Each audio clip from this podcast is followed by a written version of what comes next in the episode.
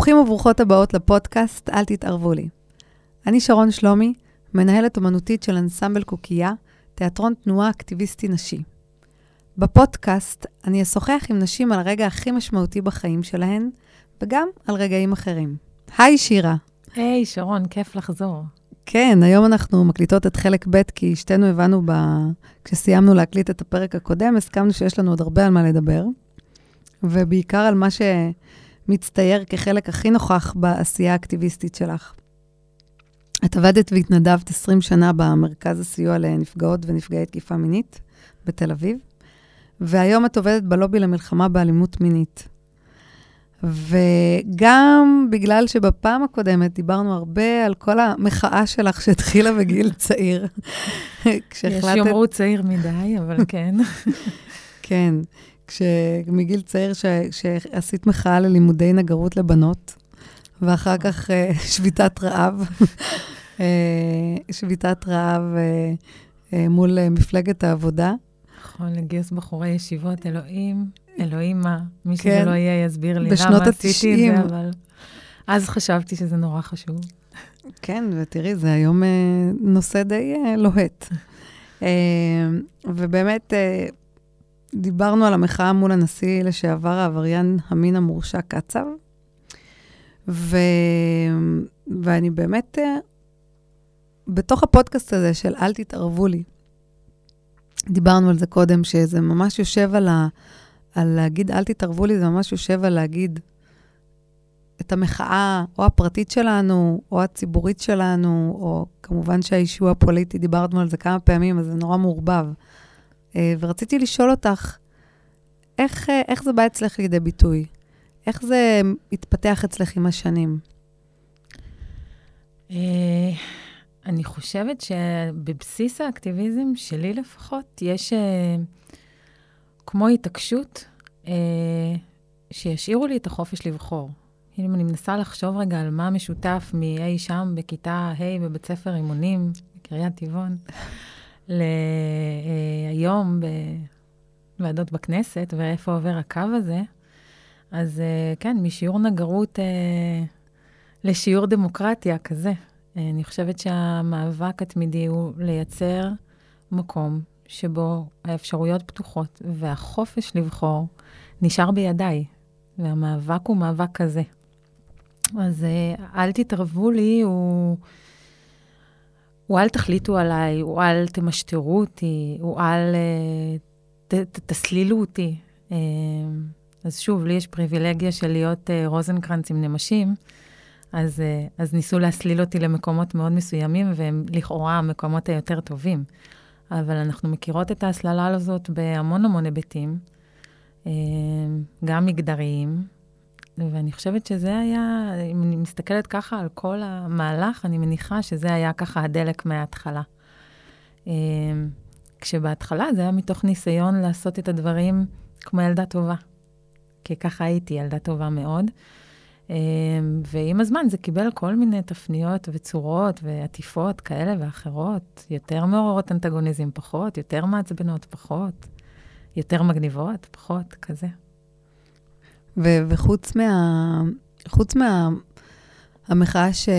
שעשית אה, נגד העבריין המין המורשע, הנשיא לשעבר קצב, עשית הרבה, עשית הרבה מחאות במהלך השנים. בין אם הם כאלה שלא שמענו עליהם והן קטנות, ובין אם אלה כאלה שכמו במקרה הזה שהגעת אה, אה, לתוכניות אה, טלוויזיה ורדיו, אבל השתתפת בהרבה הרבה מחאות. אני אשמח גם לשמוע קצת על מחאות קטנות, על מחאות mm-hmm. גדולות, מתוקשרות, פחות מתוקשרות. אני חושבת, א', כן, הייתי בהמון מחאות, אה, גם הובלתי לא מעט מהן, והן היו גם מתוקשרות חלקן. אני לא בטוחה שזאת תמיד האינדיקציה להצלחה שלהן או לחשיבות שלהן, אה, ההד התקשורתי שהן מייצרות, אבל היו גם כאלה. אה, אני חושבת שככל שהשנים עברו, והאישי או הפוליטי זה לא רק סלוגן, זה החיים. אז אני חושבת שככל שנגעתי בפוליטי יותר עמוק, גם התגלה וירדו ההגנות מהאישי, והמין הקו הדק הזה שכל הזמן הלך קדימה, פנימה והחוצה, אני אקרא לזה, אמ, הביא אותי ללמוד אותי בהמון המון מקומות ואזורים שעד אז היו מושתקים בי, מודחקים, אה, כזה. וככל שהשנים עברו, המסלול קיבל כיוון מאוד מאוד ברור. אה, ועיקר המחאות שלי, מן הסתם, נגעו בזכויות נשים, באלימות מינית, באלימות מגדרית, באלימות מילדותית, אבל באמת מתוך הזווית המגדרית של להיות אישה בתוך עולם פטריארכלי מאוד מאוד אלים. אה, וככל שהשנים עברו, לשם באמת התנקזתי והתרכזתי גם בעשייה השקטה שלי, במרכאות, זאת אומרת, גם בחדר טיפולים, גם כמתנדבת בקו סיוע, ממקום באמת של uh, להיות שם בחדר המכיל הזה, שיש בו מקום טיפולי ורך, ובין היציאה החוצה לרחוב עם המגפון השחור המושלם שלי, שוב, הוא חייב להיות מוזכר כנראה בכל פרק. אבל זה, זה, זה כמו אנרגיה מאוד שונה, ומצד שני מאוד מאוד מגבילה. וההגבלה הזאת מתקיימת כל הזמן, ולאט לאט היא באמת התרכזה בערוצים האלה, שנוגעים באלימות מינית בעיקר, אה, סביב ילדות ונערות ונשים. הייתי שמחה לשמוע על מחאות שנגעו בך, ש, ש, שהן פחות מתוקשרות, נגיד, כי אני אומרת את זה כי אני רוצה להגיע כמובן גם לכאלה ששמעתי עליהן יותר, אבל יש לך איזה זיכרון מאיזה... מאיזו מחאה, איזה רגע מכונן, או, או איזושהי חוויה מאוד uh, שנחרטה בך מאיזושהי מחאה שאנחנו ככה פחות uh, מכירות? אני אגיד שהיו כל מיני מחאות, בסוף, במקומות שבהם יצאתי והובלתי מחאה, זאת אומרת, מין, קמתי, הכרזתי, עכשיו יש הפגנה, ופתאום היינו אלפיים נשים בצומת uh, פרדס חנה כרכור, זה היה באמת במקומות שהבטן שלי לא יכלה לשאת את זה יותר, והייתי חייבת לצאת לפעולה. אני חושבת ש... החוויה, זהו, אני חושבת שהחוויה הכי מכוננת במקומות האלה, שבאמת הרעידה אותי ויצרה לי איזה מבט מאוד אחר בכלל על מחאות נשים בעולם, אה, זה היה סביב האונס בקפריסין, באיה נאפה. אה, נסעתי להפגין מחוץ לבית המשפט בקפריסין. אה, אני לא חובבת יציאות מהארץ וטיסות, לא יצאתי מהארץ 20 שנה. עד אז, מלבד ל-24 שעות הפגנה הזו. ואני חושבת שמה שקרה שם זה באמת שכמו נקראתי, הרגשתי שאני לא יכולה, אני, אין, לא, לא הייתה לי כמו אופציה בכלל להישאר פה. זה היה לי ברור שאני צריכה לעמוד שם כדי להשמיע קול נורא נורא ברור שהדבר שה, הזה שנקרא ישראלים והפוגעים האלה, זה לא, זה לא יכול להיות חלק גם מהזהות שלי. אני לא מוכנה... להיות מי שבשתיקתה נותנת גב למשהו שנתפס uh, ככזה.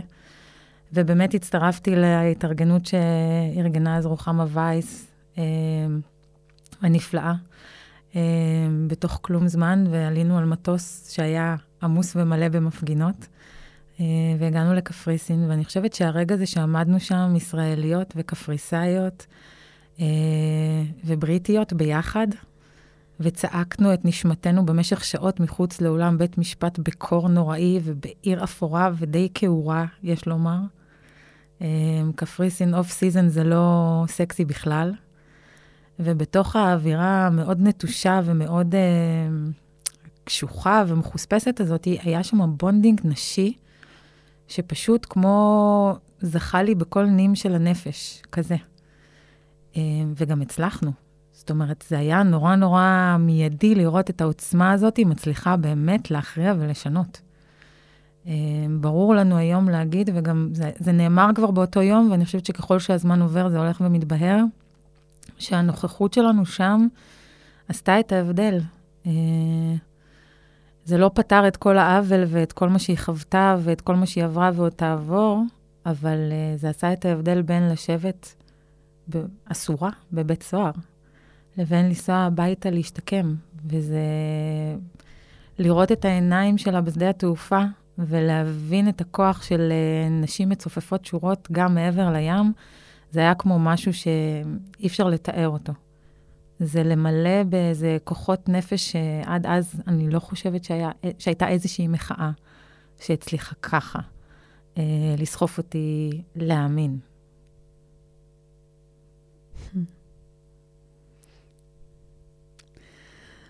וואו, כן, זו הייתה פרשה שממש אה, גם אותי תפסה חזק, כי אני חושבת שהיא תפסה הרבה אנשים. ו- ועכשיו גם כשאמרת את זה, שלא יכולת להיות מזוהה עם, עם זה הישראלים, זה הפרצוף של הישראלים, להיות חלק מה, מהזהות הזאת, אז אני מבינה גם, את יודעת, כל הזמן הייתה את השאלה, מה, למה אתם נוסעים, מה, מה אכפת לכם ממנה? היא נמצאת ב... כאילו, היא, היא בריטית, ויש פה מלא נשים שצריכות תמיכה, למה נוסעים עד לשם? כאילו, הייתה, נכון? היה אני כזה... אני חושבת שזה אחד הדברים שהכי... זה עלה הרבה. א', זה מאוד הכעיס אותי, אבל היא כאילו כמו הייתה פריבילגיה לבוא ולהגיד לכולם, יודעים משהו? סתמו. כי מה שאני עושה כל יום, כל היום, מבוקר עד ערב, זה תומכת בנפגעות פה בארץ. זאת אומרת, אז הייתי רכזת הסיוע של מרכז סיוע לנפגעות ונפגעי תקיפה מינית בתל אביב, ומה שעשיתי כל יום, כל היום, זה ללוות סיפורי פגיעה שקורים ממש כאן, ממש בתוך הבית. אז הטענה הזאת שכמו הושמעה, אוקיי, מה, אתן רוצות, רצות להגן אחרי איזה בריטית מתוקשרת ולא, לא תפסה. זאת אומרת, אף אחד לא הצליח לבלבל אותי שם. ואני חושבת שזה היה רגע אה, שהייתי על המטוס והבנתי שהייתי צריכה להכריע בין זהויות. זאת אומרת, אם בין הזהות שלי כאישה בעולם, או בין הזהות שלי כישראלית, ציונית, אני לא ממש, אבל יהודייה ישראלית כזה, אה, היה לי מאוד מאוד ברור איפה אני מתמקמת. איפה אני ממוקמת, איפה אני רוצה למקם את המציאות עבור הבנות שלי. אה, וכמו יש עולם מוסרי שהוא מעבר לעמים ויבשות וזהויות חברתיות כאלה ואחרות. קודם כל, זה לא. ולא בשמי, בטוח. ולא תחת הגנתי, בטוח. Uh, ותראי, מה שקרה שם גם זה שכשהגענו, אז פתאום הבנו שמעולם לא הייתה מחאה כזאת שם. נשים שם לא יכולות לצאת לרחוב ולהפגין כמו שהפגנו כשאנחנו הגענו, כמו נתנו לגיטימציה למשהו להתקיים שהוא לא קורה שם. זאת אומרת, המצב של נשים שם הוא נוראי. שמענו שם סיפורי אימה על נשים שנעלמו, ואף אחד לא טרח ללכת לחפש אותם. בקפריסין? בקפריסין, והם נמצאו אחרי חודשים רצוחות. כל מיני סיפורים על המקום של נשים שם הוא מאוד מאוד מאוד קשוח מול מערכת המשפט ומול המשטרה, וכאילו פתאום נתפסנו גם שם כפריבילגיות, ובואי להגיד שהמשטרה כאן עושה עבודה בלשמור על נשים, אה, ולהפוך אותנו לפריבילגיות, זה צריך... אה, צריך מאמץ. צריך מצב קשה מאוד. כן, אז, אז גם היה שם רגעים נורא נורא נורא נורא מרגשים, שפתאום הבנו שאנחנו יכולות גם לתת אופציה לנשים אחרות, אה, ולעזור להם יחד לסלול את הדרך, ושיש לנו מחויבות כזאת בין נשים בעולם, שמי שכבר יכולות, ייתנו יד למי שעוד לא מאפשרים להם, כדי שמול העוצמה הזאת אי אפשר יהיה לעצור. זה מדהים שבסיפור מדהים. בכלל לא היו... אה... גם הפוגע וגם הנפגע בסיפור לא היו קפריסאים בכלל. רק המשטרה שערבבה שם הכל הייתה קפריסאית, אבל בתכלס, כשאני חושבת על זה, אף אחד לא היה קפריסאי שם, ו- וזה קרה שם. כן, אבל הם עשו שם עבודה כזה. מאוד מאוד טובה כדי להפוך להיות חלק מאוד משמעותי בפגיעה הזאת. זאת אומרת, אני חושבת שהרבה מאוד אנשים הזדעקו, כי זה כבר, כמו האבסורד הפך להיות כמעט קפקאי. בסופו של דבר, הייתה שם בחורה שעברה אונס אכזרי, שנקלעה במדינה זרה, עם איסור יציאה, בתוך עיר, עוד פעם, off season זה נראה אחרת לגמרי, לבד, בלי מעגלי התמיכה שלה, רק עם אימא שלה שהגיעה להיות איתה. בלי החברים שלה, בלי קבוצת ההתייחסות שלה, בלי המשפחה הרחבה שלה. לבד בארץ זרה, במעצר. ואחר כך היא שוחררה ממעצר והייתה שם בסוג של מעצר בית בבית מלון כזה. היה אסור לה לצאת מהמדינה. בגלל? כל השנתיים האלה, כי היא הואשמה. זאת אומרת, זה לא רק שהיה שם מקרה... הואשמה בעדות שקר. היא הואשמה בהפרת הסדר הציבורי הקפריסאי. למה? כי לכאורה היא העלילה על משהו כן. שלא התקיים. אז הסעיף היה הפרת הסדר הציבורי. וואו. והסיטואציה הזאת, האבסורדית הזאת, שלא רק שאת נפגעת, לא רק שבמקום זר, לא רק שאת קוראת לעזרה, את מואשמת ונקלט ואסור לך להגיע הביתה, היא מעבר למה שהדעת יכלה לסבול. אז אני חושבת שבמובן הזה, זה, זה, זה, זה, זה כמו, הגיע לאיזה נקודת קצה שהיה מאוד מאוד קשה להישאר אדישות ואדישים אליה, אצל הרבה מאוד אנשים. אה, כשאת אה, נכנסת לחדר טיפולים, בסדר, אה, אז אין את המגפון השחור, וכשאת או אחת על אחת, או כשאת בתוך בתוך הסיפורים האישיים, ובאמת לא ברחובות. אה, מפרה את הסדר הציבורי כדי, ש, כדי לעורר עניין ו, ולהפוך שינוי, לעשות שינוי למען אחרות. כשאת עושה את השינויים אחת על אחת, או גם במרכז סיוע וגם בכלל, בכובע המטפלת, בכובע המנחה, בכובע המרצה גם, אה, מה, מה הכי בוער בך? אני קודם כל אגיד שאני נורא, נורא, נורא אוהבת את המטופלות שלי. מאוד, מאוד, מאוד. זה נשים שהן אה, עמוק בתוך הלב שלי, ככה הכו שורשים. ואני לא מדברת מתוך תפיסה טיפולית מקצועית, זאת אומרת, אה, במובן הזה, אני לא רוצה להחזיק איזושהי אג'נדה טיפולית כזו או אחרת. אני אגיד שאני מאוד מאוד נוכחת איתן בחדר. וש... יותר מהכל, אני עם כל אחת בתוך מה שהיא מביאה ומה שהיא זקוקה לו. אני חושבת שהמלחמה שה... הפוליטית שאני מנהלת בחוץ, שגם שינתה את פניה במהלך השנים, אבל היא מה שיכול להביא איתי לחדר פרספקטיבה, אה, להרבה מאוד נשים שיושבות שם. כאילו, הסיסמה הזאת של את לא לבד, היא, היא, היא אז, אז א', כן, אני לא משאירה אותן לבד, אני מחזיקה יד. אני, זה, זה, זאת ההבטחה שלי לכל מי שנכנסת לחדר. אני נותנת יד ואני מבטיחה לא לעזוב אותה.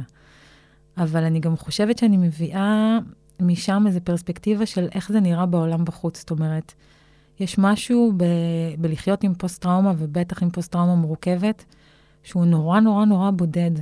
ו, וזה נדמה כאילו רק עלייך חרב ככה. כי את תפוקה, כי את אשמה, כי, כי את משובשת, כי את פגומה, כי מלא מלא מילים שאפשר כל אחת לשים על עצמה שם. יש משהו בלהבין שזה לא את. השיבוש הוא לא בך, ולא רק כקלישה, אלא באמת להראות איפה השיבוש הוא לא בך, שהוא שלב ראשון בתוך תהליך טיפולי כזה. וההכרה בפגיעה זה, זה, זה כמו הבסיס שממנו רק אפשר לצאת. זאת אומרת, אני חושבת שאני נותנת לכל אחת הכרה במה שהיא מרגישה, במה שהיא חוותה, בכל החלקים. אמ, אני מאוד רוצה לקוות, אני לא יודעת, זה מטופלות יעידו, אבל לפחות זו הכוונה.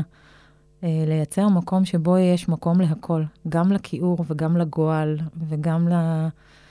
לחלקים המאוד לא מחמיאים של כל אחת בתוך ההתמודדות שלה, ובטח ובטח לכאב ולצער ולעצב, וגם לשמחה, שזה משהו שכאילו כמו, יש איזה מין דיל הרבה פעמים, ששמחה לא נכנסת לחדר טיפולים, וגבורה לא נכנסת לחדר טיפולים, כי אצל המטפלת צריך להגיע בשביל הטישו שיש על השולחן. אז, אה, אז לא, אז יש מקום גם לזה.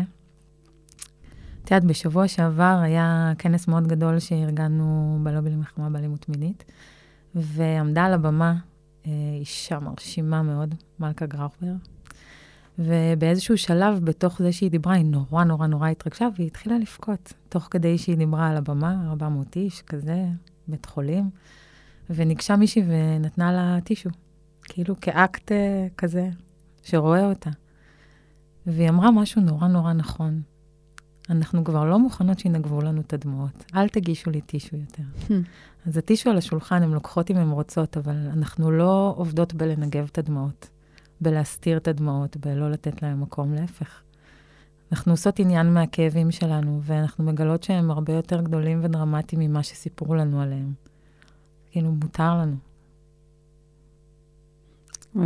ואם כבר אנחנו מדברות על הכנס, שככה הייתי סקרנית לשמוע עליו קצת יותר.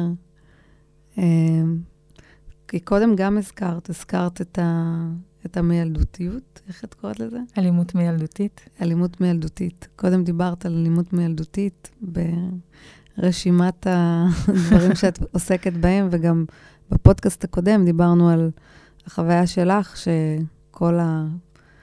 שכשילדת, אז הרגשת שאת כל החלקים האלה, כל מה שעשית כל השנים, כל הבנייה ש, שבנית את עצמך, פתאום היה לך את הרגע הזה שאמרת, זהו, אל תתערבו לי. נכון. אז ספרי על הכנס, כי שמעתי דברים מאוד מאוד טובים.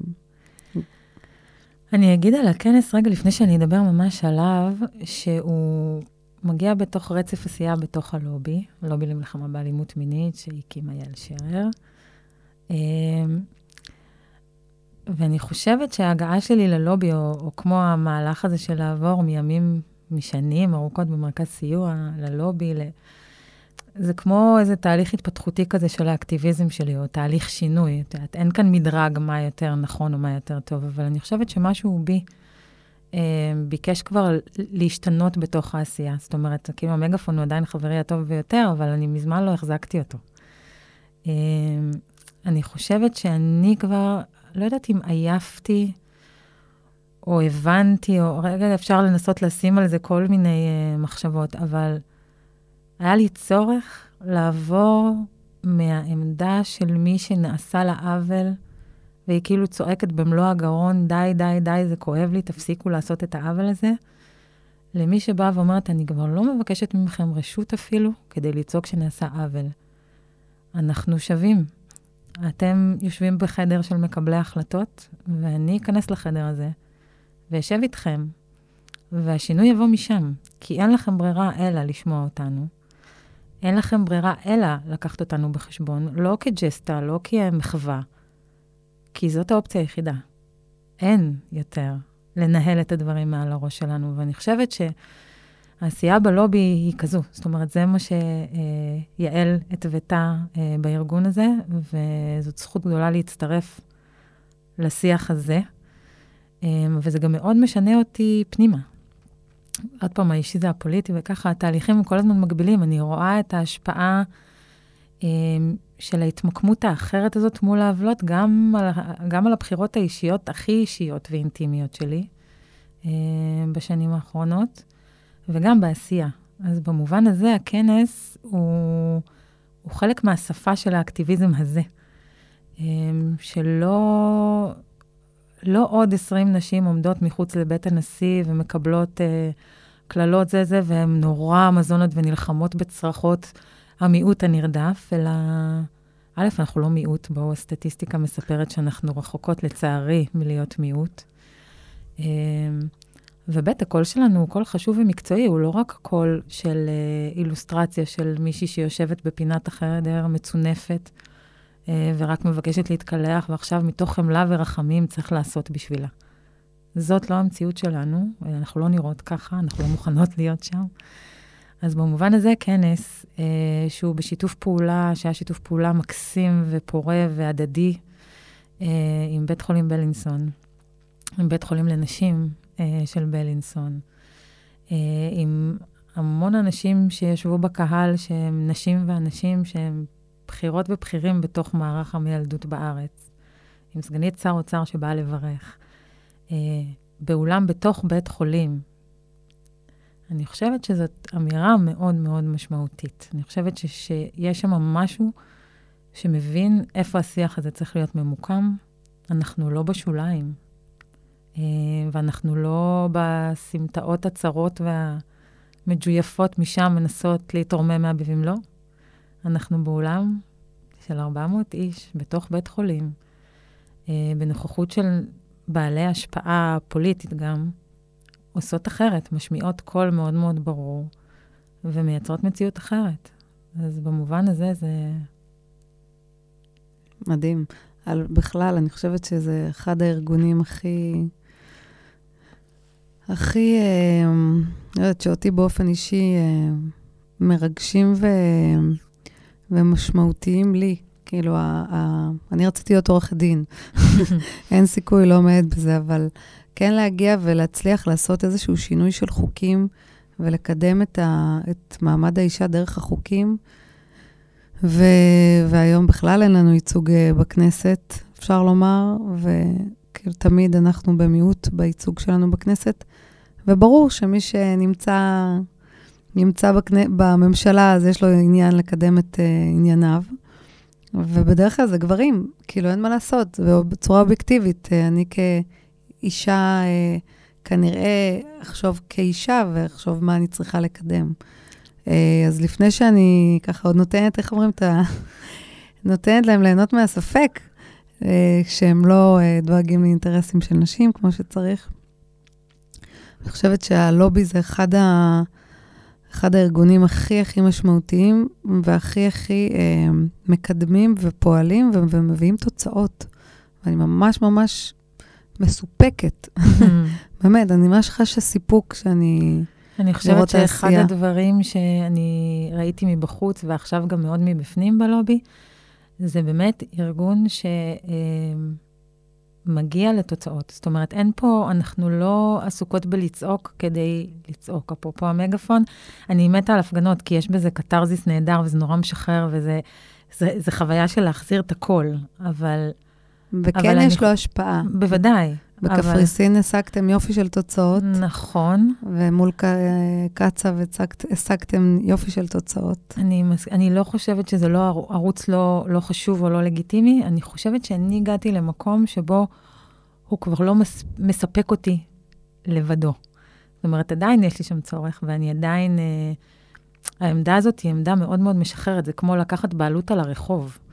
זה לתבוע את המרחב אלייך, שזה חוויה מאוד מאוד משמעותית.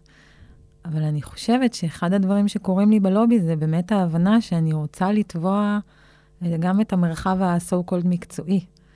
אה, איפה שמתקבלות ההחלטות האמיתיות, אה, חייב לקחת אותנו בחשבון. ולא רק כי אנחנו צועקות חזק, פשוט כי אנחנו צודקות. ובמובן הזה אני אגיד, נכון, אנחנו במיעוט ייצוגי זה עדיין לא אומר שלא יהיו הישגים. זאת אומרת, אני חושבת שאחד הדברים uh, שלמדתי בתוך הארגון הזה, זה שאנחנו לא עושות חשבון מול מי אנחנו עומדות. אין חבר או חברת כנסת שאנחנו לא ננסה לעבוד איתם, אם נחשוב שיש על מה. זה לא משנה ימין או שמאל, וזה לא משנה נשים או גברים, וזה לא משנה אם זה חבר כנסת או חברת כנסת, ואם הם uh, בצד הדתי של המפה או בצד האחר של המפה. אנחנו מוצאות את הדרך להגיע ולעשות את מה שאנחנו צריכות לעשות. אמ, אין פסולים. אני חושבת שזה אחד הדברים הכי משמעותיים. ואני יכולה להגיד לך שגם בכנסת הקודמת, חלק ממי שקידמו הישגים מאוד מאוד משמעותיים וחקיקה שהלובי דחפה אליה, אבל זה היה, כמובן, זה תמיד עובד בשיתוף פעולה עם uh, חברי כנסת כאלה ואחרים, היו גם חברי כנסת גברים שעשו לא מעט. גלעד קריב, גדעון סער, זאת אומרת, יש יש לא מעט חברי כנסת, אני לא, לא, לא אעשה כאן name dropping, כי כדי לא לשכוח אף אחד שמגיע לו אה, קרדיט על עשייה, אבל היו לא מעט גם חברי כנסת ממין זכר, שחשבו שזה הדבר הנכון. את יודעת, קודם דיברת על, אה, על זה שכשאת אה, נמצאת בחדר הטיפולים, אז, אה, אז המטופלות, זאת אומרת, כל הידע שאת צברת ברחוב, או... או בלובי, או בכל העשייה האחרת שלך, בעצם אה, אה, את מביאה להם איזושהי... אה, כאילו, מה שחשבתי לעצמי, איך אני הייתי, אם בתור מטופלת הייתי מגדירה את זה, את הגדרת את זה מנקודת מבטך. זאת אומרת, לא רק שאת מאמינה להן, בגלל הראייה הרחבה וכל העיסוק הרחב שלך, הן מאמינות לך. כשאת אומרת להן... אני מקווה, אני כל כך מקווה. כן, יותר קל להאמין לך. זאת אומרת, יש הבדל בין מטפלת שהיא מטפלת, וזה מדהים. ואת מביאה איזשהו ערך מוסף, כי את גם... זה עיסוק רחב הרבה יותר שלך, ו- ויש לך את, אה, את uh, מרוץ השנים שאפשר להסתכל עליו uh, ב-20 פלוס שנה האחרונות, שזה באמת, רוב העשייה שלך מתמקדת שם, אז, אז יש לך הרבה ידע, והידע שלך הוא ידע מעשי, הוא לא רק תיאורטי. וזה מה שאני חושבת, בתור מישהי שמסתכלת מהצד, עם המטפלת שלי, אז, אה, אז היה יותר קל לי להאמין לך כשאת אומרת לי מה שאת אומרת לי, או הליווי שלך.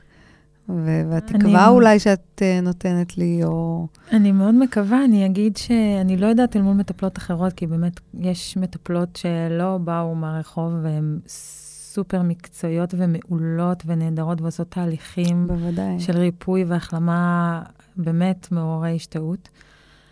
אני חושבת שאני פשוט לא יודעת אחרת, גם, גם כי אני ברדקיסטית, אז אני כל הזמן בכמה מקומות במקביל, אמ, וגם כי אני, כמעט הייתה לי התנגדות פנימית, אפשר להגיד, לעבור דרך האקדמיה.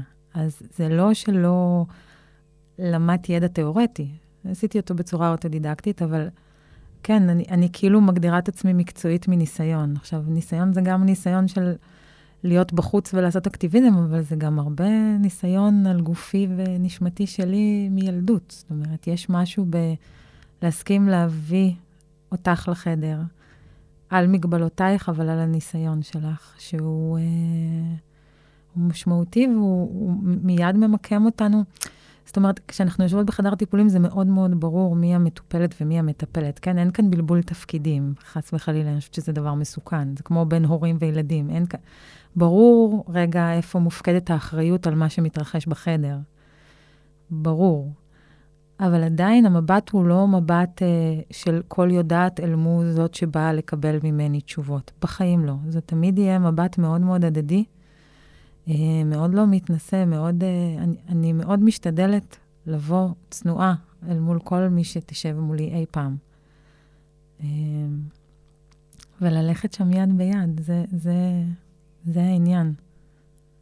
אני זוכרת שפעם סיפרת לי, בגלל שיצא לנו, יצא לי לשמוע אותך מדברת מול הורים לילדים ביסודי, אז אני זוכרת שסיפרת באותה הזדמנות שכשאת יושבת עם... שאת אה, מרצה מול, אה, על מוגנות אה, מינית ועל מיניות בריאה מול תיכוניסטים. הכי כיף. שאת מדברת בשפה שלהם, ואת באה הכי בגובה העיניים, ואת כאילו... ואין להם שום, אין סיכוי שתהיה להם איזושהי תחושה שאת לא בעניינים. את... משתדלת. את, את מאוד, זאת אומרת, לא, אבל זה גם ה-state of mind שלך. זה מזכיר לי את זה פשוט, שלא לבוא כן. ממקום של יודעת דברים, ו- ו- אלא באמת זאת שאומרת, טוב, נו, אני יודעת, נו, בואו, אנחנו ביחד פה, אז בואו אה, בוא נדבר על זה רגע. אני חושבת שיש לי כבר סלידה עמוקה, עמוקה, עמוקה אה, מהמבט הפטרוני של כל יודע הכל עלינו. וזה לא משנה אם זה פוליטיקאים, מטפלים, רופאים, אה, ככל שהשנים עוברות, אני מבינה יותר ויותר שמי שמתמקם מולי באיזו עמדה של, אה, רגע, רגע, רגע, את לא מבינה, בואי אני אסביר לך, בדרך כלל יודע הרבה פחות ממני עליי. אז... Uh, ספרי קצת על המפגשים עם התיכוניסטים. או, מה לספר? לא שהם uh, דור הרבה יותר משובח מאיתנו בהרבה מובנים, אפילו שמעלילים עליהם שהם חסרי וחסרי וחסרי. אמ, אני גם חושבת שבשנים האחרונות יש שינוי נורא משמעותי. אני לא זוכרת אם דיברנו על זה אה, בפרק הקודם או לא, אבל מה שקורה היום, השיח שמתקיים היום ברוב אה, הקבוצות של הנוער, הוא, מאוד, הוא כבר מאוד מאוד שונה ממה שהיה לפני חמש שנים, עשר שנים, ובטח כשאנחנו היינו מתבגרות, אימא'לה לפני יותר מ-30 שנה. אה, ברור שהמהפכה הפמיניסטית עשתה עבודה. וברור שמיטו וכל הדבר הזה. ואני חושבת שיש היום הרבה יותר דברים שכבר שגורים להם, כמו אמיתות מאוד מובנות, שאנחנו עברנו דרך כדי להסכים לשמוע אותם ולחיות על פיהם. את יכולה לתת דוגמה? אמ, כשמדברים איתם היום על הסכמה ועל רצון, אני שונאת את המילה הסכמה, אני חייבת להגיד. יש בה משהו כל כך פסיבי ולא... את לא מסכימה לא. לה, גם אני אל, לא. אל תלכו למיניות מתוך הסכמה, בבקשה. רק רצון ממש. נלהב, אה, לגיטימי שיתקיים שם, אבל הם, הם יודעים לדבר כבר על אה, לא זה לא, וכאילו מה שמתחיל בגוף שלי שייך לי, והופך בגיל ההתבגרות ל, לכבד את המרחב. אז כאילו, אני כן יכולה לראות את התנועה הזאת מתקיימת. אני חושבת שעדיין הם עומדים שם הרבה פעמים חסרי אונים, בלי, בלי, כמו, אין לזה מופע של חוסר אונים כי הם מתבגרים. מתבגרים הם אף פעם לא חסרי אונים, הם תמיד יודעים הכי טוב. אבל מתוקים. אבל uh, הם עומדים שם חסרי אונים בלהבין, אז מה כן? כאילו, בלי כאילו. עשינו איזושהי עבודה uh, לא רעה, לא מספקת עדיין, אבל לא רעה, uh, בלסמן את הגבולות של מה אסור, ואיך נראית הפתולוגיה, ואיך נראית הפגיעה. ומה זה לפלוש לגוף של מישהי אחרת או מישהו אחר, ומה זה לא לכבד את המרחב האישי. אבל מה כן? מי מדבר איתם על מה כן, על מה האופציות, על איך נראית מיניות, כמו שראוי שהיא תיראה, של חגיגה, של עונג, של גילוי, של... וזה פחות מדובר, וא', זה משאיר כמובן את המרחב, כמו שאני תמיד אומרת, לפורנו. הם לומדים שם המון. אז זהו, זה, זה משהו שהוא, זאת אומרת, רק משם הם לומדים הרבה. זאת אומרת... אני לא יודעת אם רק, אבל הם לומדים הרבה משם. הרבה מה הם, מאוד מה הם משם. לומדים משם? איך, איך זה יושב אה, ביחד עם המה לא, עם מה שרואים בפורנו? אני, אני לא צריכה להבין את ה... אני אגיד ש... הפורנו, כמו שהם רואים אותו, כמו שרבים מתווכים אותו, אני לא צרכנית פורנו, אז אני משתדלת להימנע, גם כשאני צריכה להכין סדנה מלהיכנס ולחשוף את עצמי לתכנים מתרגרים כאלה. אבל בפורנו היום זה לא הפורנו שלנו כשאנחנו היינו צעירים, והיה צריך לפלח כרטיס אשראי של ההורים, ללכת לוידאומט, שהשכנים לא יראו, השכנה, הדודה לא תסתכל, מאיזה פס של הסרטים למבוגרים בלבד אנחנו שולפים את הקלטת, ולאיזה בית אפשר ללכת איתה שההורים לא נמצאים, כדי... ואז סרט מלא, שעה וחצי. אינסטלטור מגיע, יש ביניהם פלירטוט. יש עלילה. יש עלילה. עכשיו, יש עלילה, זה לא רק יש עלילה ווואו, מעניין. בואי, העלילה לא הייתה מאוד עמוקה. אבל היו שם בני אדם. בגלל שהייתה עלילה, היו שם דמויות. נכון. היום הפורנו זה 20 שניות, 30 שניות, דקה וחצי. סרטונים, פורנו ביתי, שכולם נורא אוהבים לשווק אותו, כי אז הוא כנראה נורא נורא מבחירה ורצון. אין שם אנשים. את אומרת את זה בציניות. כן, מאוד. אין שם נשים, אין שם אנשים, אין שם דמות שלמה. אני אהיה רגע בוטה ואני אגיד שגם כשרואים את הפנים שלה, אז הרבה פעמים זה רק כדי שיהיה אופציה לראות על מה גומרים. כזה. והמשחק הזה בין uh, שוכבת, מצועפת, כנועה, ומישהו בא ועושה בה, והיא כמובן נורא נורא רוצה את זה, לא משאיר הרבה אופציות. כאילו, העמדה מראש היא, אם את פסיבית, וקצת גונחת, זה מעולה. אם אתה ככה וככה וככה, זה מעולה, ו- ו- וככה נראית מיניות בריאה. עכשיו, זה ברור שאין שם שום קשר למיניות בריאה. אין שם תקשורת, אין שם הבנה מה זה אינטימיות. אני יכולה להגיד, את יודעת, ישבתי באחת הקבוצות, והאלפא, המתוק, מתוק, מתוק של הקבוצה, נעמד ואמר, מה? אני תמיד מדברת איתם שצריך לדבר. כאילו, אתם נכנסים כבר לסיטואציה אינטימית, וזה לא משנה, אני רגע מרשה לעצמי לדבר בשפת הסדנאות. Uh, מי שזה בוטה לה מדי, uh, שתסלח לי מראש, אבל אי אפשר לדבר מיניות בלי לדבר מיניות. ואז הוא אמר לי, מה, באמצע זיון אני אעצור ואני אשאל אותה מה היא רוצה שאני אעשה לה? זה נורא מוריד, לא? אז א', לא תנסו, זה לא מוריד, להפך. וב', אני אומרת לו, אז רגע, אז איך אתה יודע מה... אז איך אתה יודע מה היא רוצה? אולי אתה עושה משהו שלא נעים לה. לא, מה, טוב, נו, אז אני אשאל אותה, מה, את רוצה שנשכב? והיא אומרת לי, כן. אז אני אומרת לו, אוקיי, ו? אמר לי, אז אנחנו שוכבים. אני לו, מה זה שוכבים? ולאט לאט השיחה מתפתחת, ופתאום יש הבנה שיש מלא אופציות במיניות. ומה שנשמע כמו נורא נורא ברור מה נכנס לאיפה ובאיזה קצב, זה בכלל לא המציאות. יש, יש כל כך הרבה אפשרויות אחרות, ויכול להיות שהרצון שלה הוא שונה לגמרי. יכול להיות שגם הרצון שלך הוא שונה לגמרי. ואתה אפילו לא בדקת. כי כאילו כמו אנחנו עסוקים בלחכות איזושהי סצנה שמוצגת לנו כמו זה הדבר. ואז זה היבט אחד של, ה, של השינוי הזה, של הדבר הזה שהם חיים בתוכו, אבל אני חושבת שהיבט הלא פחות אה, מסוכן ומאוד באחריותנו, זה שמצד אחד אנחנו נותנים להם כמו ספר חוקים, שהם צריכים להבין אותו. לא נוגעים בלי רשות, אסור ככה, צריך לכבד את הגבולות, צריך לכבד את הלא, צריך להבין. אבל אנחנו לא באמת נותנים להם דרך עמוקה להתמודד עם מה שזה מייצר.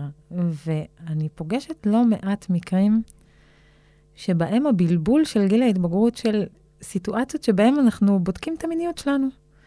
ואני חושבת שכל מי שהתבגר והתנסה מינית בחייו יודע שיש גם ימים כאלה של חוויות מיניות מבאסות. שלא היו הדבר. שקמנו בבוקר ואמרנו, אך, זה היה קצת מיותר מה שקרה שם.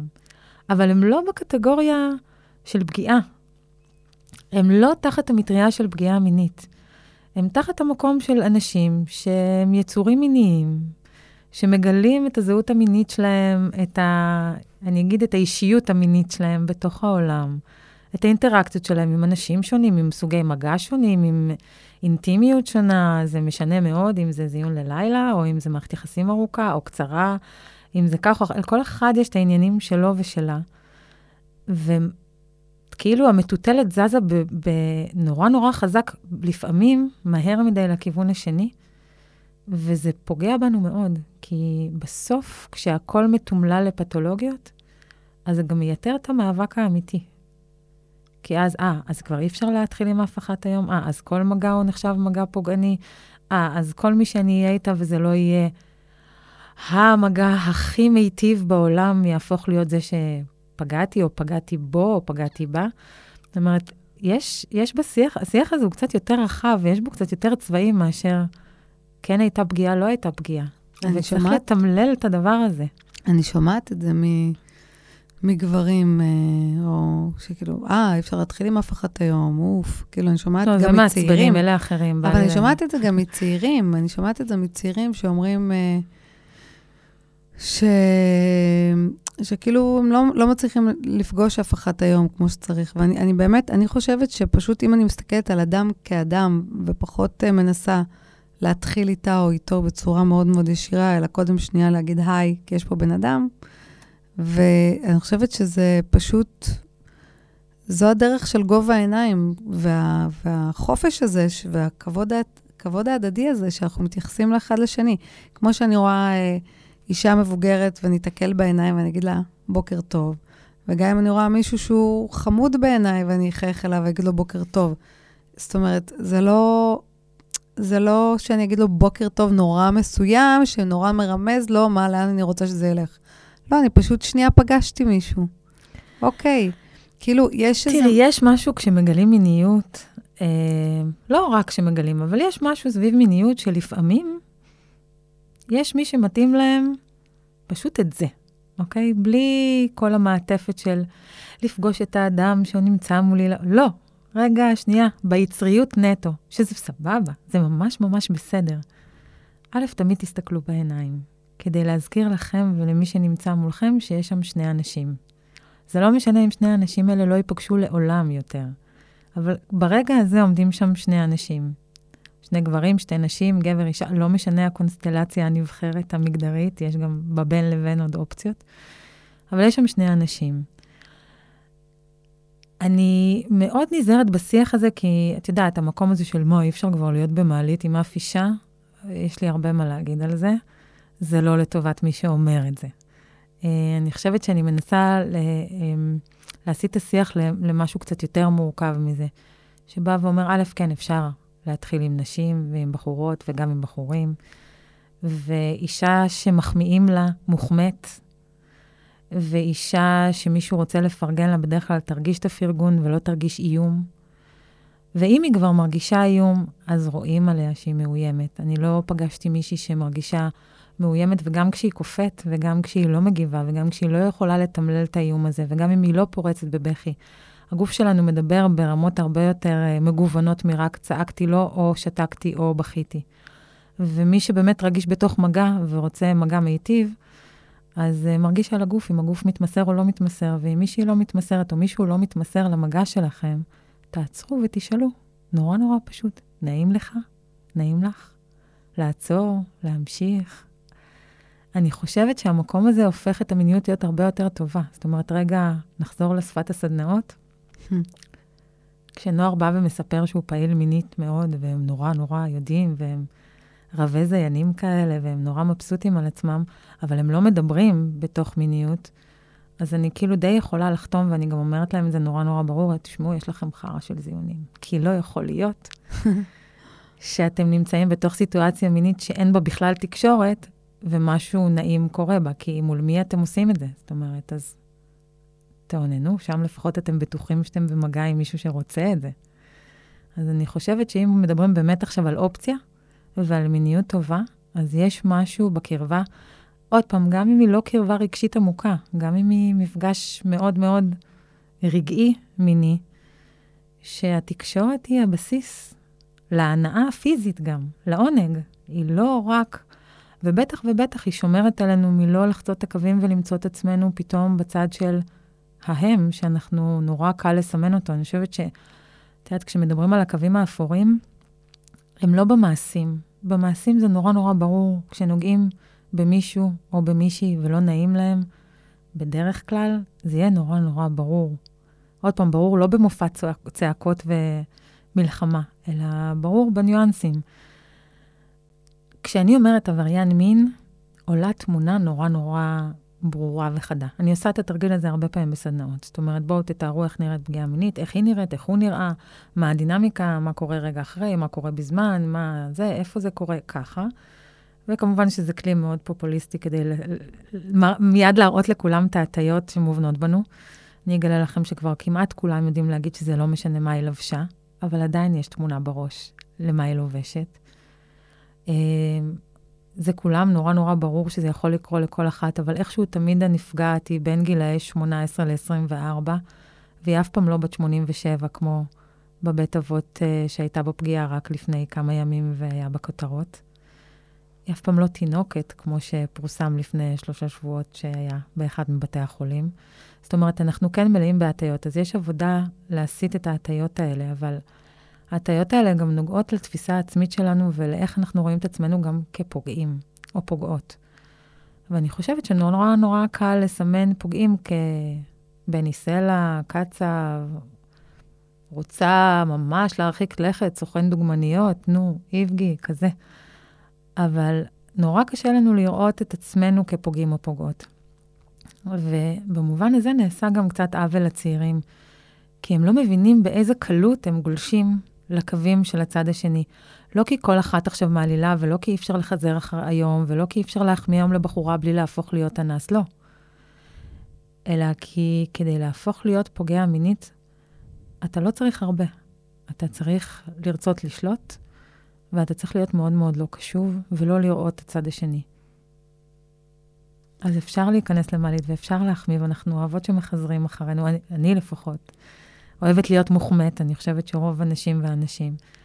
אבל אני יודעת מאוד מאוד טוב לזהות מתי מסתכלים עליי בעיניים אה, פונקציונליות, כאילו כמי שאמורה למלא איזה פונקציה, ומתי mm-hmm. רואים שם בת אדם, בת חווה, אישה, לא משנה. כל אחת תבחר. מה שאמרת קודם, דרך אגב, גם נכון לזוגיות. זה בדיוק אותו דבר. בזוגיות, כש, כשיש את המבט ויש את השיחה, וזה לא, אוקיי, let's do it, כאילו, הרבה זמן לא קרה, וזה קורה מלא בזוגיות, כשזוגיות היא כבר הרבה שנים. אנשים מתנהלים כל הזמן בתוך, ה, בתוך הדיפולט הזה. נורא, נורא, נורא, כולם עייפים, כולם כבר מותשים. לכולן כואב. וכולם כבר רגילים אחד לשני. ומאוד מאוד קשה למצוא את ה... את, לייצר את האינטימיות, לייצר את השיחה, לייצר את האכפתיות. אני חושבת שזה, שזה ממש... אה, שבזוגיות זה כמו... לא יודעת, אני כזה מרגישה שזה לא מדובר, אבל אני חושבת שלא מדובר מספיק אולי. אני חושבת שבזוגיות אפשר ממש למצוא את זה אה, המון. את הקושי הזה לייצר איזה שיח ואינטימיות, כשכבר יש כל כך הרבה שגרה. לגמרי, ואני חושבת שגם בזיג... את יודעת, את מתארת פה משהו עוד טוב. כמו שני בני זוג שמאוד רוצים את האינטימיות, וכאילו לא כל כך ברור להם איך לחדש אותה, נגיד, אני יודעת. אני לא מטפלת מינית. אני כאילו חייבת רגע לשים פה את הקו כן. המבדיל. אני לא מטפלת מינית, אני מדברת על מיניות בריאה הרבה פעמים כת... כתולדה של עד כמה אנחנו מדברים את הפתולוגיה. אמ, אבל אני אגיד, אם מדברים פתולוגיה, שאת עוד מדברת על אופציה טובה. אני חייבת להגיד שמרוב הנשים שפגשתי בחיי, כולל חברות קרובות שנמצאות בזוגיות ארוכה, אפרופו לא מדובר, אז אצלנו בתוך החברות זה מדובר, אבל זה בדרך כלל לא. אה, שאני חושבת שכמעט אין בית שלא מכיר את הסיטואציה שבה, יאללה, נעשה ג'סטה של עשר דקות, נגמור עם המשימה הזאת משורת המשימות, נקבל אה, בן זוג הרבה יותר רגוע בבית, פחות ממורמר, אפילו יקפיץ את הילדים לחוגים ויסתובב קצת יותר רגוע. והיינו סימנו וי על המשימה דו-שבועי, לא יודעת, אחת לשבועיים, אחת לחודש, מה המינונים של כל אחד. וה... אמ, ואני חושבת שעל זה לא מדברים. על המקום הזה שבו יש כמו הסכמה בתוך זוגיות לזה שזה ממש בסדר. ש... אבל אני שמה את זה רגע מגדרית, כי, כי ככה זה נפגש הרבה פעמים. Mm-hmm. יסלחו לי המקומות שזה הפוך, אבל בהכללות יש גם. אה, המקום הזה שהוא מאוד רוצה, והיא ממש לא כל כך כבר בא לה על הדבר הזה, אבל זה ברור שאם זה לא יתקיים אחת ל... המתח בבית יעלה על גדותיו, אז יותר פשוט לעשות את הג'סטה הזאת של עשר דקות על הגב ולהחליק הלאה. אז מעבר ל, ל... זה כואב לי בגוף לחשוב על זה, במקום של הנשים שנמצאות שם, אבל זה לא פחות טרגי עבור אותם גברים. של אתה מוכן כל כך להתפשר ולהסכים להיות שם עם האישה שלך, גם כשאתה יודע שהיא לא לגמרי איתך, כדי כמו להגיע לאיזה פורקה, לסמן טרי, לא משנה, יש כל אחד והסיפור שלו והסידורים שלו. זה נורא נורא עצוב. זה... דרך אגב, הקטע המחשבות בסקס, בתוך המופע, אל תתערבו לי. זהו, אנחנו מדברות, ואני לנגד עיניי רואה שלוש זוגות רגליים באוויר, ו... הקטע הזה נכתב כדי להגיד מה נשים חושבות בזמן שהן... אה, שבזמן סקס, בזמן שהן עושות אהבה, לא משנה. שם אחת נשואה, אחת נשואה עם ילדים, אחת בזוגיות, ואחת uh, רווקה, ו, וזה, וזה זה גם כלי, זאת אומרת, מבחינתי הקטע הזה, שגם ממש התלבטתי אם להכניס אותו, הוא ממש, uh, הרגשתי שהוא מגלה מגלה סודות. אני חושבת שהוא אחד הקטעים, המופע שלך הוא מופע אמיץ מאין כמותו, ואני חושבת שזה אחד הקטעים הכי אמיצים במופע הזה. תשאירי אותו, קודם כן, כל. כן, זה היה מזמן.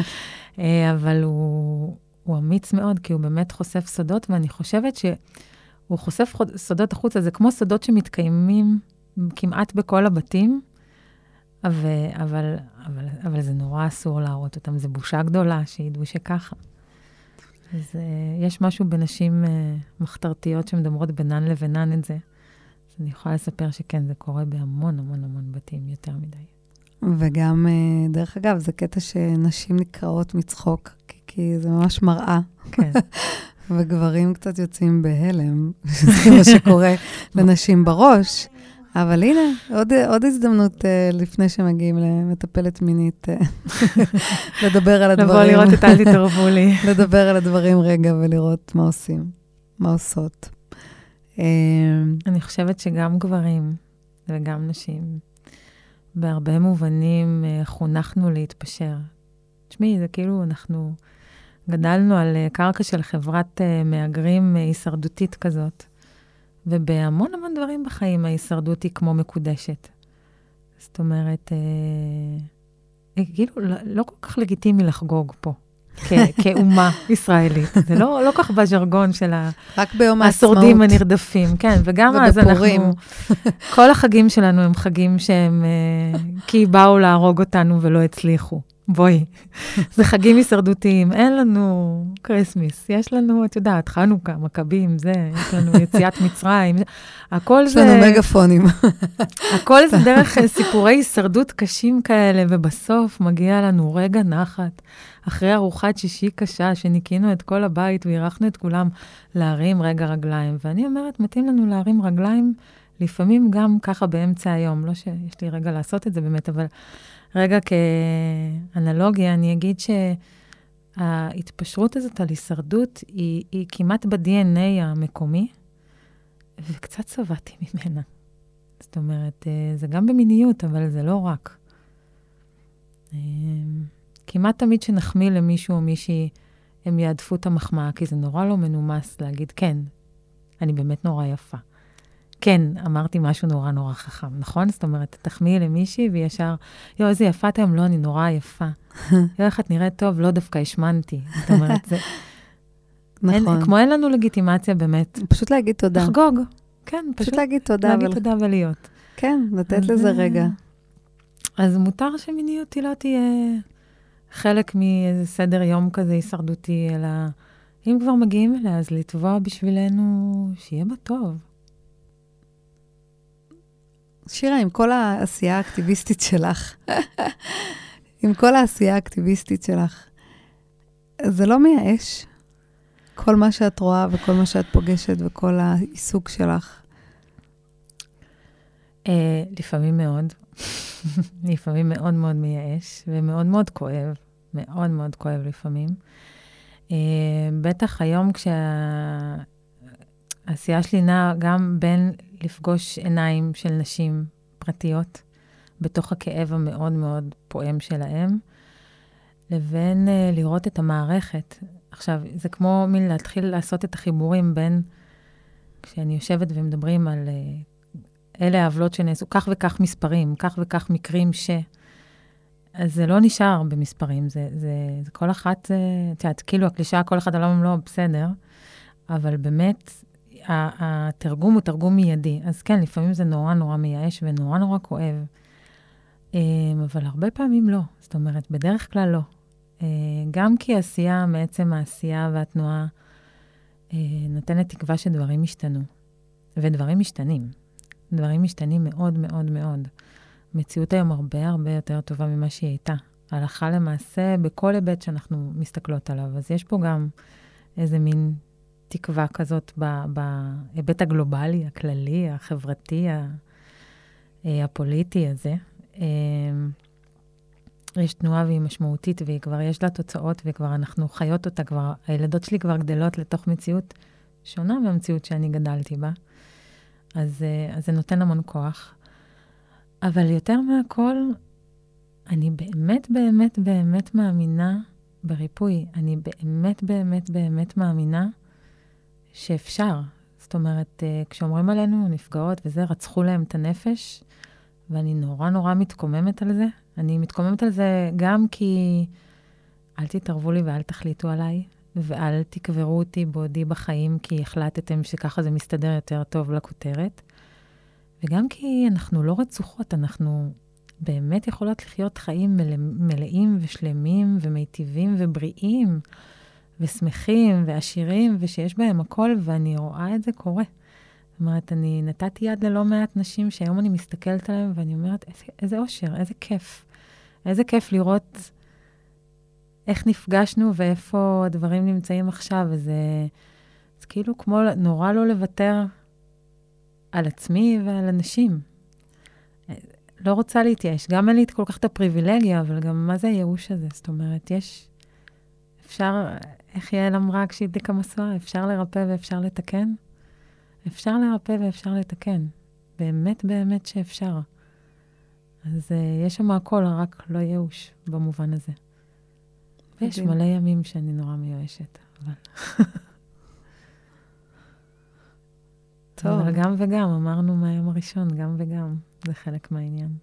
נכון, כן. גם מאוד אנושי להיות, uh, לחוות ייאוש. בכל, uh, כל אחד מאיתנו וכל אחת מאיתנו חוות uh, ייאוש קיומי גם, את יודעת. בעיקר. בעיקר. אה, אז עכשיו אני, בפרק הקודם, חמקת. חמקת מה "אל תתערבו לי" הפרטי שלך, והיום אני מזמינה אותך אה, להגיד את ה "אל תתערבו לי" שלך. הנה, שרון, אנחנו... הצלחת לאלף אותי ולהביא אותי. חס וחלילה לאלף, רק אני אגיד באמת שבחודשים אה, האחרונים הצטרפת אה, למופע חדש, שנגזר מהמופע המקורי "אל תתערבו לי", שהוא נקרא "נשים אומרות, אל תתערבו לי".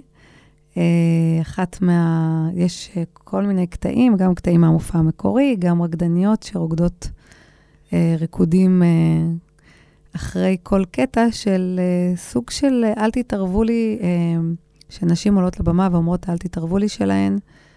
זה קטעים מאוד מאוד אותנטיים, כל אחת כתבה אותו לעצמה. אה, אנחנו שומעים, שומעות אותו כאן בתוכנית, אה, טל, תתערבו לי, של הרבה נשים. לא, לא כולן אומרות, אבל לא מעט כן אה, בחרו לומר. ו...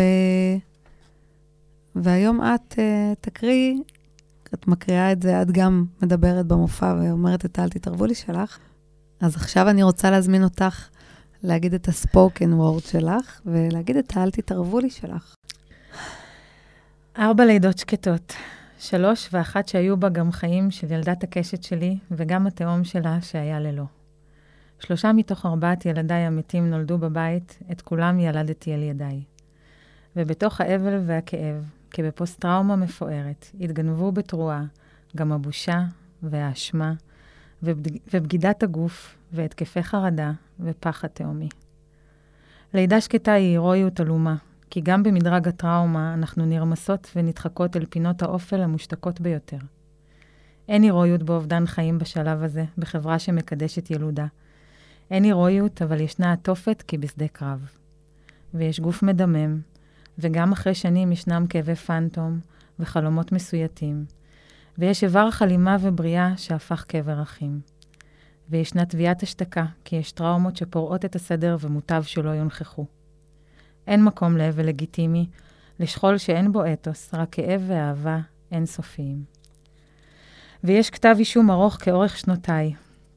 את בטוחה שהעומס שלך הוא לא הבעיה? ואולי זה שאת עוד מניקה? אולי אם לא תילחמי כל היום במלחמות של אחרים, תצליחי לשמור על העוברים שלך? מה, זה היה בן או בת? אה, נו, ברור שאת הורגת את הבנים. ויש אתכם שנלחמתם בי, אין לך צירים, וככה לא יורדים המים, כשאחרי כמה דקות החזקתי אותו כבר בידיים. ואתה, אתה אל תגיד לי, אין, אין למה לבדוק, כדי לדעת לעזאזל מה משובש. הרי את הפגומה, ובתשובות הם לא ימצאו שום דבר חדש. אל תצעקו עליי לא להסתכל בו בעיניים, זה התינוק המת שלי שמונח עכשיו בין רגליים. אל תשלחו אותי להתנחם בילדה שבבית, וביאללה, תמשיכי הלאה, בפעם הבאה בידיים מלאות. רק שחלילה את הכאב הזה לא תצטרכו לראות. אל תטיחו בי, את משוגעת להסתובב ככה עם מוות בגוף? ננקה לך את הרחם, מהר, מהר, מהר, זה ממש דחוף. הגוף חכם, יותר טוב ככה. את מבינה מה זה לגדל ילד לא בריא? הרי את החיים של כולכם את בסוף תהרסי. נו, לא יפה ככה לדבר ולספר. את אישה, מה זה? זה בושה. אני מסרבת. מסרבת לשכב על הגב מוכנעת שתוקה. מסרבת שיפקיעו ממני את הבחירה. מסרבת לקידוש הסדר הקיים המבעית. מסרבת להפחדות, להטפות, להקטנה. אני מסרבת שיפקיעו ממני את הגוף המדמם, את הכאב, את האבל, את העונג, את הבחירה. אני סוף סוף מסרבת. אז אל. אל תתערבו לי בזעם, הוא עדות נוכחת להישארותי. אל תתערבו לי ברחם, היא גלגולי חיים ומוות וחיים. אל תתערבו לי בקול, הוא רם והוא רך והוא נחוץ וצלול. אל תתערבו לי בכוס, בעירום, בערגה, בחלומות. אל תתערבו לי במה אני מרגישה, ולא באיך אני יודעת. אל תתערבו בי, ואל תתערבו לי בכלל. תודה. אני... בא לי למחוא לך כפיים. וואו. תודה רבה רבה, שירה. תודה לך שהערכת אותי שוב. ואני קדה בפנייך על כל העשייה האקטיביסטית-אומנותית שלך, שעושה שינוי גדול גדול פה. תודה. ו- ותודה לך ש- ש- על כל מה שאת עושה, כל הדרך שלך, ממש. אני מסתכלת מהצד כל השנים, ואני... ואת כל כך uh, נחוצה, כל כך חשובה, כל כך... Uh, באמת מרגשת. ותודה על מה שכתבת, כי גם במופע וגם פה זה... עכשיו שזה היה אחת על, אחת על אחת, זה היה ממש חזק, ממש. תודה. תודה, שירה. תודה שאת מוכנה לשמוע. טוב, אז תודה גם לאיתן, שנמצא שם ומקשיב ומפעיל ואחראי על הסאונד, ומסדר לנו את המיקרופונים כל כך יפה כל פעם. תודה, איתן.